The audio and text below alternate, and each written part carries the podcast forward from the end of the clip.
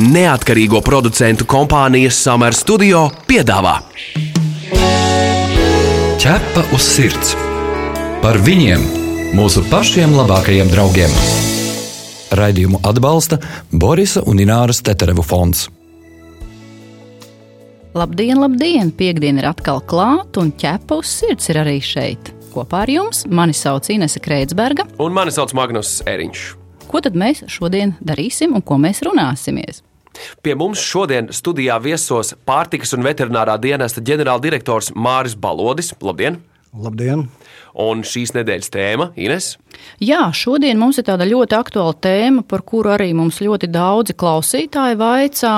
Tā ir, nu, tātad, kas ir nežēlīga izturēšanās pret dzīvniekiem un kā situāciju kontrolē atbildīgā institūcija pārtikas un veterinārais dienests. Un mums ļoti daudz arī nu, cilvēki vaicā, vai dzīvnieku pavairotāji un mocītāji saņems sodus par nodarīto. Un par to mēs šodien diskutēsim, bet uh, vispirms mēs noklausāmies mūsu kolēģis Jānis Vītoliņas sagatavoto sižetu. Ķepa uz sirds skaidro faktus.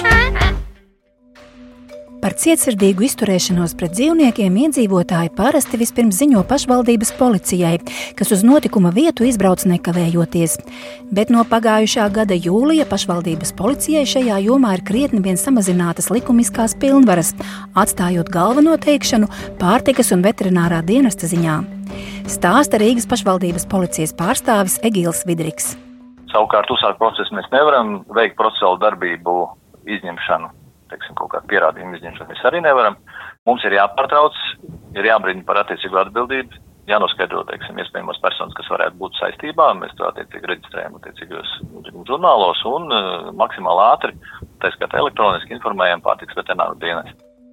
Darba dienā uz policistu sniegto informāciju PVD inspektori reaģēja saulaicīgi.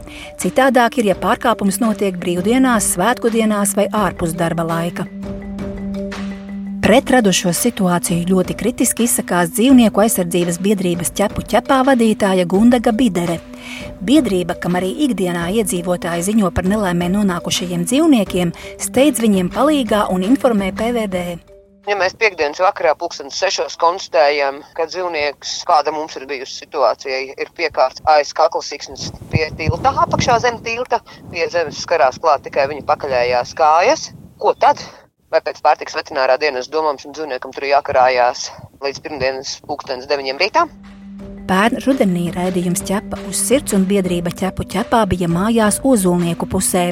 Tur kāds saimnieks turēja mājdzīvniekus. Antisanitāros apstākļos pusbadā ar redzamām veselības problēmām pa lūžņiem pilnu pagalmu skraidīja apmēram 20 suņi un kucēni.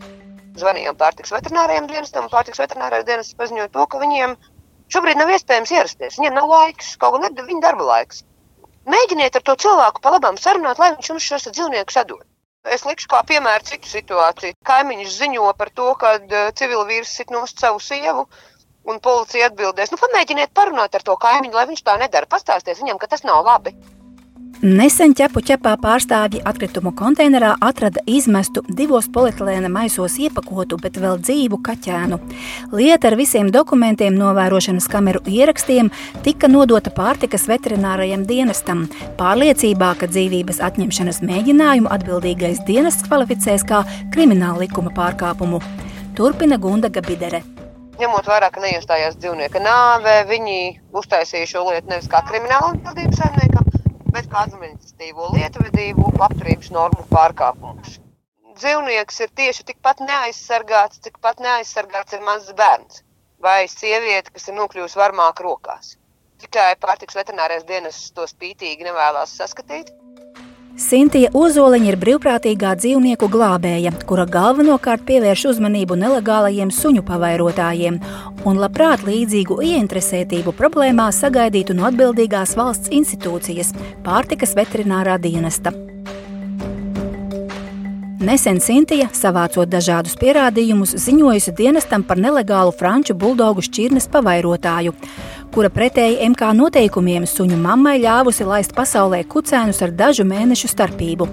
Lai nedarītu pāri kucītes veselībai, noteikumi paredz, ka starp kucēnu metieniem jābūt vismaz gadam. Uzrakstījām kopīgiem spēkiem iesniegumu PVD, uz ko mēs saņēmām atbildi, ka PVD ir apsekojis pavairotāju dzīves vietā, konstatēja, ka pavairotāja nav izpratusi likuma būtību un attiecīgi PVD nav šo traktējis kā pārkāpumu un nepiemērojis sodu. Vai jūs uzskatāt, ka PVD inspektori pietiekami labi orientējas normatīvajos aktos, spēj tos pareizi interpretēt, un vai tas ir izdarīts šajā situācijā? Turklāt dzīvnieku glābējai šķiet nepieņemama situācija, kad atbildīgais dienests uz konkrētu rīcību ir gatavs tikai tad, ja no malas tiek pienesti klāt pierādījumi. PVD atbild: Mēs neesam policija. Mēs rakstījām šai pavairotājai telefoniski ziņas, WhatsApp, mēs to visu saglabājām, mēs to visu sūtījām PVD, jo viņi jau bez pierādījumiem būtībā nedara neko. Sintija uzsver, ka mūsu valstī ir izveidojusies paradoxāla situācija. Oficiālajiem suņu audzētājiem uzraudzība ir stingra, savukārt nelegālie audzētāji var nesodīti atļauties visu, nebaidoties brīvi publicēt sludinājumu portālos un sociālajos tīklos ziņas, ka tiek pārdoti kārtējie kucēni. Ķerpa uz sirds, diskutē. Jā, nu tā kā pārtiks un veterinārā dienesta mērķis ir nodrošināt dzīvnieku veselības, labturības un ciltsdarba prasību ievērošanu, tad loģiski Baloža kungs daudz jautājumi tieši jums adresēti šodien. Piemēram, nu mēs arī to, ko dzirdējām sižetā, ka dzīvnieku glābēju sašutums visbiežāk ir par to, ka pat pēc pierādījumiem, kas ir iesniegti, īsti nevar traktēt, ko nozīmē šī nežēlīgā izturēšanās pret dzīvnieku. Nu, piemēram, maisā satīts izmests kaķēns, pārkāpums tiek traktēts nevis kā nežēlīga izturēšanās, bet labturības prasību pārkāpums. Kā jums liekas, kas ir nežēlīga izturēšanās, ja, ja šī nav? Nu, nežēlīga izturēšanās pret dzīvnieku ir definēta dzīvnieku aizsardzības likumā. Un maisā satīts kaķēns viennozīmīgi ir nežēlīga izturēšanās pret dzīvnieku. Tur nav variantu. Nu, Pārtiks veterinārais dienests ir atzinis, ka tas ir tomēr labturības prasība pārkāpums. Tad šajā gadījumā kā? Šajā gadījumā tā ir bijusi inspektora kļūda. Es noteikti pārbaudīšu šo konkrēto gadījumu, bet šāda situācija ir traktējama tikai kā nežēlīga izturēšanās pret dzīvnieku. Kā jūs vērtējat pārtiks veterinārā dienesta darbu šobrīd, desmit balvu skalā? Ļoti labs jautājums man. Noteikti uz astoņu. Un kā jums šķiet, kas būtu jāuzlabo visā darbībā? Es domāju, ka šī tēma, ko jūs tagad aizskarat, ir viena no tām jomām, kur tiešām es labprāt redzētu uzlabojumus, bet ne tikai pārtiks un veterinārā dienas darbībā, bet arī uzlabojums likumdošanā lai mūsu darbība būtu mērķtiecīga un uz rezultātu vērsta. Kas tieši šobrīd ir plānots, ko jūs esat iesnieguši, lai nu, teiksim, uzlabotu, kas ir tādas lietas, pie kā mēs varam šobrīd Jā. domāt? Jūs ļoti labi ziniet problēmu ar suņu tirzniecību, nelegālo suņu pavairošanu, suņu ieviešanu no citām valstīm Latvijā un vispār šo problēmas ar suņu aprīti vai izsakojamību. Tāpēc eh, mēs kopā ar Zemkopības ministriju eh, gatavojam likumdošanas priekšlikumus. Pirmkārt, lai visu šo tirzniecības procesu padarītu caurskatāmāku. Un proti, tas būtu, ka tirzniecības portālos, tirgojot dzīvniekus, jau būtu jānorāda gan čipa numurs, tātad dzīvnieks uzreiz ir izsakojams, gan arī tirzniecības vietas numurs. Jūs runājat par sludinājumu portālu SSLV? Mums, eh, es domāju, ir varbūt vēl kāds sludinājuma portāls, bet piemēram SSLV būtu tāpat kā automašīnām VIN numurs, kur jūs varat pārliecināties par konkrētu automašīnu. Tāpat arī sunim vai kucēnam būtu klāts viņa čipa numurs. Jā, par šo iniciatīvu es esmu dzirdējis jau vismaz gadu. Viņa riņķo kaut kur, riņķo kaut kur, bet nu, nekas tur tuvāk nav pavirzījies. Jā, ka... nu, pārtiks veterinārais dienas nav likumdevējs bet uh, šāda iniciatīva tiešām ir. Un uh, kaut kur, jā, likumdošanas procesa gaiteņos viņa ceļo. Bet bez šādiem priekšnosacījumiem reāli suņu tirzniecību padarīt par caurskatāmu un legālu būs ļoti grūti. Tikai veicot kaut kādas epizodiskas pārdevēja ķeršanas operācijas, uh, situācija neuzlabosies. Jums pārtiks un veterinārijā dienestā, ja pareizi saprotam, šobrīd ir 612 nodarbināto. Sakiet, vai kadru trūkums ir kas tam līdzīgs, kas traucē jūsu šīm pārbaudēm un, un, un lietām, kas būtu jāsakārto? Nu, kadru trūkums noteikti jebkura valsts institūcija jums teiks, ka ir kadru trūkums. Pārtiks veterināram dienestam ir ļoti plaša darbības joma. Sākot ar veterināro jomu, kur ir gan dzīvnieku infekcijas slimības, gan lauksaimniecības dzīvnieku un mājas dzīvnieku labturība, gan dzīvnieku barība, ražošana, izplatīšana, veterināro zāļu reģistrācija, veterināro zāļu aprites uzraudzība un tā tālāk. Uz šo jomu mums ir 80 inspektori valstī. Tad pārtiks veterināram dienestam ir visa pārtiks aprits uzraudzība, robežu kontrole, Nu, jums ir ļoti daudz funkcijas, mēs zinām, jā, bet tad vajadzētu varbūt tās prasīt nu, lielāku kapacitāti, lai palīdz, teiksim, Cik izveidot. es strādāju pārtīks veterinārā dienestā, mēs laika prasām lielāku kapacitāti. Bet es domāju, ka, lai nenodarbotos tikai ar to, ka visu laiku pieprasītu lielāku kapacitāti, ir jāveic šīs pārbaudas vai uzraudzības darbības, balstoties uz riskiem un prioritizējot. Un proti, šogad mēs esam kā savu tādu vienu no mērķiem izvirzījuši tieši mājas istabas dzīvnieku labturības un aizsardzības prasību jautājumus. Gan saistībā ar pārbaudēm, gan arī saistībā ar tieši likumdošanas un normatīvu aktu sakārtošanu, lai šī joma strādātu. Vai es pareizi saprotu, ka pārtiks veterināriem dienestam nav tiesību veikt kontrolu pirkumu? Jums ir pilnīgi taisnība. Dzīvnieku jomā mums nav šādas tiesības. Mums ir tiesības veikt kontrolu pirkumus pārtiks aprits jomā. Un tāpēc dotajā brīdī jūs tais pašos sludinājumu portālos neatradīsiet nelegāli iegūtu cūgaļu, jo vienkārši aktīvi veicot kontrolu pirkumus šai konkrētajā segmentā mēs esam cūgaļas tirzniecību ārpus legāli kautajiem dzīvniekiem izskauduši. Bet vai jūs saprotat vai pieņemat, ka kontrola pirkuma atļaušana šādos gadījumos palīdzētu arī noķert tos um, nu, teiksim, ne, negodīgos pavairotājus? Protams, ja pārtiks veterināram dienestam būtu šādas tiesības normatīvajos aktos nostiprinātas, tas uzlabotu mūsu efektivitāti. Bet vēlreiz uh, kontrola pirkums nav vienīgais veids, kā saukt pie kārtības šos pavairotājus. Kā jau es iepriekš minēju, caurskatāma tirzniecība, reģistrētas audzētavas, pilnīga kucēna izsakojamība, sākot no viņa mātes līdz jaunajam īpašniekam. Tā ir sistēma, kur tiešām mēs varētu runāt par to, ka Latvijā šie procesi vismaz no veterinārā viedokļa notiek korekti un caurskatāmi. Runājot par starptautiskām lietām, Māri, jūs 2018. Eh, gadā atkārtot tikāt ievēlēts par Pasaules dzīvnieku veselības organizācijas Eiropas reģionālās komisijas prezidentu. Jā, un šīs organizācijas galvenā komisija izrādās sniedz atbalstu krīzes situācijas risināšanā. Un kas tās tādas pa krīzēm ir bijušas un varbūt kā notiek darbs šajā komisijā? Pasaules dzīvnieku veselības organizācija ir analogs Pasaules veselības organizācijai, kas atbild par cilvēku slimībām.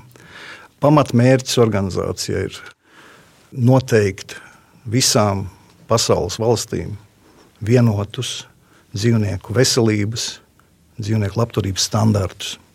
Es vadu reģionālo komisiju, kurā ir 53 valstis, Eiropas reģions, Vidusāzija, plus vēl Izraela un Turcija. Mēs tiekamies četras, piecas reizes gadā un spriežam jautājumus, kas ir svarīgi tieši mūsu reģionam. Ne tikai Eiropas Savienībai, bet plašākam reģionam, kur, kurš sastāv no 53 valstīm.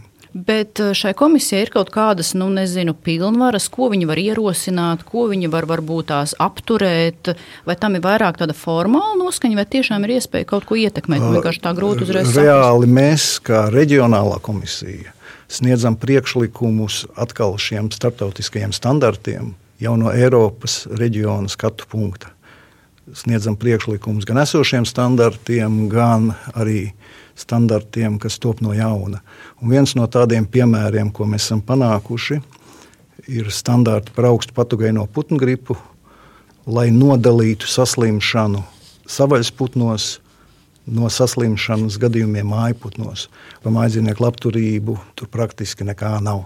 Runājot par attīstītajām valstīm, piemēram, apvienotā karaliste, Šveice, tur šie cilvēki ir spējuši sakārtot dzīvnieku labturību savās valstīs. Cik mums ir zināms, tur darbojas dzīvnieku policija ciešā sadarbībā ar pašvaldībām, kā arī ar kantoniem. Viņi var iekļūt īpašumos, ja, piemēram, ir saņemti šādi signāli, ka dzīvnieki, ja šī labturība nav ievērota. Kas traucē mums izstrādāt šādu sistēmu? Ne, nu mums, neteiksim, ka mums nav uh, izveidotas dzīvnieku labturības kontrolas sistēmas. Bet tāda, kas, uh, piemēram, šajā gadījumā, kā jau teicu, šie cilvēki var iekļūt iekšā īpašumos un reāli darboties, lai tik tiešām nokļūtu pie iznākuma. Latvijā, tāda, kas... Latvijā jebkura institūcija var iekļūt īpašumos, saņemot tiesas atļauju vai prokuroru atļauju.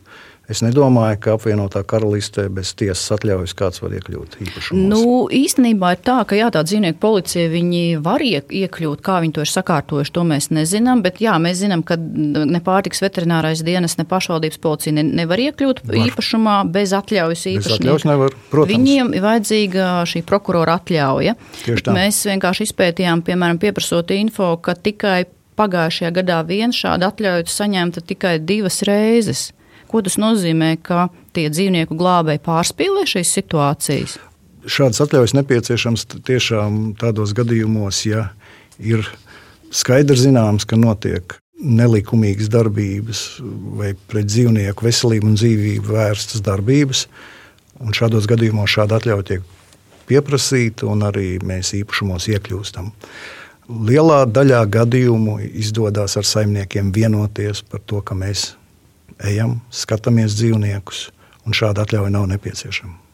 Man jautājums par uh, to, ko dienests saka par iespēju sadarboties ar dzīvnieku glābējiem. Kur ir risks, un, ja tāds ir, kāpēc jūs nevēlaties? Jā, jums ir ļoti liela tāda atšķirība. Bieži uzskatos, gan uh, dzīvnieku glābēji uzskata vienu, jums ir cits viedoklis, kā institūcijai. Nu, nav tāda sadarbība tāda, varbūt cik cieši kā gribētu. Mēs esam atvērti sadarbībai ar jebkuru organizāciju vai personu.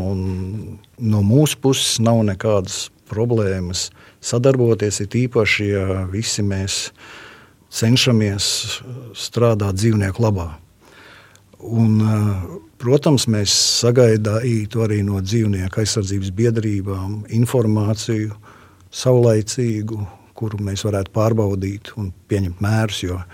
Pagaidām sabiedriskiem inspektoriem Latvijā nav tiesības uzsākt administratīvos procesus. Jebkurā gadījumā, ja mēs gribam kaut kādu likumīgu rezultātu sagaidīt, ir jāiesaista vai nu policija, vai pārtiks un veterinārais dienests. Atgādinām, ka mums šodien studijā ir viesis pārtikas un veterinārā dienesta ģenerāldirektors Māris Balodis. Ķepa uz sirds noskaidro. Jūs klausāties raidījumu ķepa uz sirds, un es gribēju atgādināt arī to, ka mūsu raidījumu var dzirdēt atkārtojumā Latvijas radio arhīvā, kā arī visos populārākajos straumēšanas servisos. Visur kopā - ķepa uz sirds! Pagājušā gada jūlijā tika ierobežotas pašvaldības policijas pilnvaras, konstatējot pārkāpumus dzīvnieku labturības jomā. Bet jūs teicāt, ka tomēr daudzas pilnvaras nav ierobežotas. Kā precīzi to varētu saprast? Pašvaldības policija drīkst uzsākt administratīvo pārkāpumu procesu par dzīvnieku labturības jautājumiem. Pašvaldības policija ir tiesības izņemt dzīvnieku, ja šāda nepieciešamība rodās. Protams, konfiskāciju var veikt šai jomā tikai pārtiks un veterinārais dienests. Tāpēc mēs ļoti bieži saņemam jau uzsāktas lietas no pašvaldību policijām, no valsts policijas. Viņus turpinam un beid, nobeidzam. Tikko bija interesants gadījums. Mēs kā ķepus sirds devāmies kopā ar pašvaldības policiju apsekot vienu adresi, kurā bija mm, voljerā ielikts taksītis. Varēja redzēt, ka viņu reti ved ārā, mm, un nu, skats bija diezgan bēdīgs. Bet pašvaldības policists teica, ka viņš nav ne vetārsts, ne pārtiks veterinārā dienesta pārstāvis, lai viņš varētu konstatēt kādus pārkāpumus vai izmaiņas dzīvnieka veselībā. Tad kā sanāk, viņi var konstatēt, bet viņi nevar lemt ne, par šī dzīvnieka stāvokli? Par dzīvnieku stāvokli var lemt veterinārārsts. Un pat mēs gadījumos, ja nepieciešama šāda veterinārā ekspertīze, mēs dzīvniekus nosūtām uz veterināru medicīnas fakultāti, lai veiktu veselības stāvokļa ekspertīzi. Bet kā jums liekas, vai jūsu inspektori viņiem tā profesionālā kvalifikācija atbilst nu, tam, lai novērtētu šādu dzīvnieku stāvokli? Viņi pēc izglītības ir vetārsti, bet viņi vai tad ir praktizējuši kādreiz? Veterinārie inspektori pēc izglītības visi ir veterinārārsti. ārsti ir dažādi. Ir cilvēki, kas nāk no prakses pie mums strādāt, ir cilvēki, kas savu karjeru uzsākuši pārtiks un veterinārijā dienestā. Dažādi. Bet vēlreiz sākotnējo dzīvnieku stāvokli viņi var novērtēt. Protams, padziļinātu ekspertīzi mēs piesaistām fakultāti. Es sapratu, ka arī jūs pats esat veterinārā ārsts pēc izglītības. Tieši tā. Jums ir izdevies arī pašam strādāt profesijā? Principā es lielāko daļu savas karjeras esmu pavadījis pārtiks veterinārā dienestā, sākot kā inspektors. Man tomēr vēl jautājums par to situāciju, kura arī ļoti bieži sastopama gan portālos, gan sludinājumu vietnēs. Cilvēki ziņo par nečipētiem divu mēnešu vecumu nesasniegušajiem kucēniem, kas tiek atdoti labās rokās.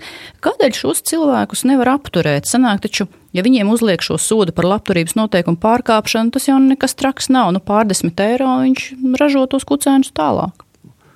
Nu, par nečipošanu un nepareizu atsevināšanu ir atsevišķi sodi. Protams, vēlreiz, ja mēs runājam par suņu tirdzniecību, Tur ir ļoti daudz problēmu, sākot ar to, ka pirmā reģistrācija notiek nevis uz kucēnu pārdevēju, kā to paredz normatīvie akti, bet jau uz jauno īpašnieku. Un šie pārdevēji vispār neparādās ne LDC datubāzē, ne dzīvnieku pasē. Suņa stāsts sākās ar jauno īpašnieku, kas ir nopircis bez jebkādiem līgumiem šo kucēnu. Pēc tam, kad kucēnam sākās kādas veselības problēmas, vai no nopirktā Yorkšīras terjera izaug cits bārdains, lielāks daudz dzīvnieks. Cilvēks skrien uz pārtiks veterināro dienestu sūdzēties. Bet, diemžēl viņi nevar pierādīt ne šo darījumu, jo darījums ir noticis benzīna tankā vai pie veikala. Viņiem nav neviens papīra gabaliņš, kas apliecinātu šī suņa iegādes procesu, un dzīvnieku reģistrā viņi ir pirmie īpašnieki un arī suņa pasē viņi ir pirmie īpašnieki. Saistība ar suņa pavairotāju vai pārdevēju nav nekāda. Un tāpēc cilvēkiem, iegādājoties suni, ir jāsaprot, ka, ja viņi kādreiz gribēs izvirzīt pretenzijas pret pārdevēju, viņiem ir pirmkārt jānoslēdz darījuma līgums. Nākošais viņiem jāpieprasa, lai suns jau būtu reģistrēts uz pārdevēju. Tas jau ir par tiem gadījumiem, kur cilvēkiem ciltsrakstus nevajag, un viņi ir gatavi pa lēto nopirkt, nu, nezinu ko. Tas ir cits jautājums, kur arī cilvēkiem tomēr arī pašiem jādomā līdzi. Es tieši domāju par tiem cilvēkiem, kuri nedomā par savu dzīvnieku sterilizāciju. Viņi tur vairojās savā nodabā, un viņus vienkārši izdāļā pa eiro vai pa diviem. Un faktiski viņus jau neviens nekontrolē. Labu gribēdam, viņi izdara nu, lielu, lielu lāču pakalpojumu. Tieši tā, tāpēc mūsu ieteikums jebkuram cilvēkam, kas negrib nodarboties ar suņu pavairošanu, bet turēt suni kā mīļdzīvnieku, būtu pirmā darbība laikam būtu tomēr suni sterilizēt, lai šādas problēmas nerastos. Jo pēc tam, ka šie suņi nejauši sapārojās, jā, nu, tad radās jautājums, ko darīt ar kucēniem. Bet uh, ciltraksti jau nav obligāti Latvijā. Cilvēks var pieregistrēt savu suni, Protams, lai pārdotu dzīvnieku, viņam ir jāiziet apmācību kurs, kas arī ļoti formāli prasība un praktiski neizkontrolējama. Un nākošais šie suņi jāreģistrē vispirms uz sevi, un tad tikai viņi var tirgot arī bezšķirnes suņus par 2 eiro. Jā, bet viņi nu, neiedziļinās, negrib viņi sterilizēt to savu suni. Tad vēlreiz pārtiks veterināram dienestam iespējas veikt kontrolu pirkumu. Arī par 2 eiro mums pat labāk, mazāk budžeta līdzekļu aiziet. Un tad mēs varētu šos cilvēkus saukt pie atbildības. Bet jums jau nav iespēja veikt to kontroli pirkumu. Jums priekš tas ir jāpanāk, lai tas jūs to varētu darīt. Aktos, tas būtu ļoti labi, jo tad cilvēks ziņot, tad dienests izbraukt, pārbaudīt adreses, veikt šos kontroli pirkumus un ierosināt lietas. Bet tas, kā jau zinām, šobrīd diemžēl nenotiek. Ar šo pašu procesu par ziņošanu šis ir diezgan piņķerīgs process. Jāatzīst, ir jāzina precīza adrese un atrašanās vieta, kur notiek šie pārkāpumi, jāzina vārds, uzvārds, dažna dažādas detaļas, kas lielākoties šķiet, ka nu, šeit ir nelegāli pavairotāji, nu, teiksim, tā, tādā preses relīzē neizsūtīs visiem saviem Facebook draugiem informāciju par to, kur viņi atrodas un ko viņi tagad dara. Vai šo procesu mēs varam kaut kā padarīt vienkāršāku parastajam cilvēkam, tam, kurš grib darīt labas lietas dzīvnieku labā, ziņošanas dēļ? Mēs principā šai jomā, atbilstoši dzīvnieku aizsardzības likumam, mēs strādājam tieši uz ziņojumiem vai uz citu informāciju. Mēs neveicam rutīnas pārbaudas dzīvnieku labturības un aizsardzības jomā. Visas šīs 800 pārbaudas, ko mēs piemēram pagājušajā gadā veicām, tās ir saistītas ar cilvēku ziņojumiem. Bet, protams, ziņojot par kādu notikumu, mēs visus šādus ziņojumus pārbaudām, bet jāsaprot, ir, ka ar to vien, ka jūs kaut kad esat no kāda cilvēka paņēmuši suni Un atkal šis suns ir bez jebkāda apliecinājuma, ka konkrētais cilvēks jums viņu ir pārdevis. Nu, mēs nesavāksim pietiekami pierādījumus, lai izveidotu normālu administratīvo procesu un sauktu vainīgo pie atbildības. Nu, problēma jau ir tajā, ka, lai iesniegtu ziņojumu, pārtiks veterinārais dienas prasa ārkārtīgi detalizētu informāciju, vārdu, uzvārdu, adresi par to aizdomīgo cilvēku. Bet bieži jau šis aizdomīgais cilvēks nemaz nav tik ārkārtīgi atvērts. Viņš ir nozīmējis to tikšanos kādā benzīna tankā, un vienīgais, kas ir pieejams, ir tikai viņa telefona numurs, bet uz to pārtiks veterinārais dienas nereaģē, jo nav pietiekama informācija par šo noziedzīgo darījumu iespējamo. Tie administratīvie pārkāpumi nevis noziedzīgi nodarījumi pamatā, bet nu jā, ar vienu telefonu numuru mums būs ļoti grūti veikt kaut kādas sakarīgas darbības.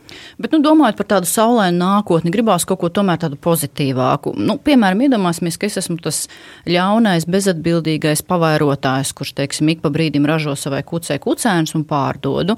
Kā jūs mani varētu sabaidīt ar to, ka es ilgstoši tā turpināt nevarēšu? Jo šobrīd es dzirdu tikai to, ka, nu, kaut ko tur pārbauda, bet izlases kārtībā īsti nevienam tādi stingri sodi arī nav piespriesti kontrolpirkumu nevar uztaisīt. Jā, nu, principā, kādā veidā jūs varētu drusciņi sabaidīt tos cilvēkus, kuriem īstenībā ir uzspļaut uz to, ko saka likums un atbildīgās institūcijas? Šai gadījumā, kā galveno risinājumu, ko jau es minēju, es redzu šīs tirzniecības iespēju limitēšanu. Tā tad obligāta prasība vēlreiz norādīt gan kucēna numuru, Un tas nozīmē, ka konkrētajam cilvēkam šis kucēns būs jāpiereģistrē uz sevi. Uz mūžīgiem laikiem viņš paliks lauksaimniecības datu centra datubāzē. Un tad jau mēs varēsim skatīties šī cilvēka ekonomisko darbību ilgākā laika posmā, vai šī cilvēka īpašumā esošā kuce varēja saražot tik daudz kucēnu vienā gadā, ja atļauts ir pārot tikai vienreiz gadā. Jo pagaidām mēs vienkārši varam zvanīt šiem cilvēkiem pēc sludinājumiem. Bet viņi bieži arī maina numurus. Viņi maina numurus. Mēs varam zināt viņa adresi, aizbraukt pie viņiem, parunāties. Viņi nelaiž iekšā. Ir viņi var nelaist iekšā. Žoks, tā, tāpēc ir jāsakārto suņu aprits sistēma. Tas, lai mēs jebkuru kucēnu Latvijā varētu izsekot līdz viņa mātei, saimniekam, pirmajam tirgotājam, un tad jau Tās ir tikai tehniskas darbības, kā mēs sakopojam informāciju, kur informāciju mēs nododam valsts ieņemumu dienestā saistībā ar saimniecisko darbību, kur mēs pārbaudām paši, un uz to mēs virzamies.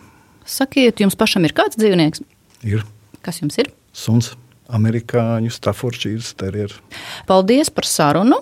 Šodien viesos mums bija pārtiks un veterinārā dienesta ģenerāldirektors Māris Balodis. Mēs ceram uz sadarbību, arī kopīgi kādā aktivitātē mēs ļoti labprāt iesaistīsimies ķepa uz sirds, tā kā, nu, uz cerīgu nākotni. Jā, gaidīsim ziņas. Paldies jums! Paldies jums! Visur kopā ķepa uz sirds! Savukārt nākamajā raidījumā tēma šāda: Pandēmijas laikā cilvēki ņem suņus.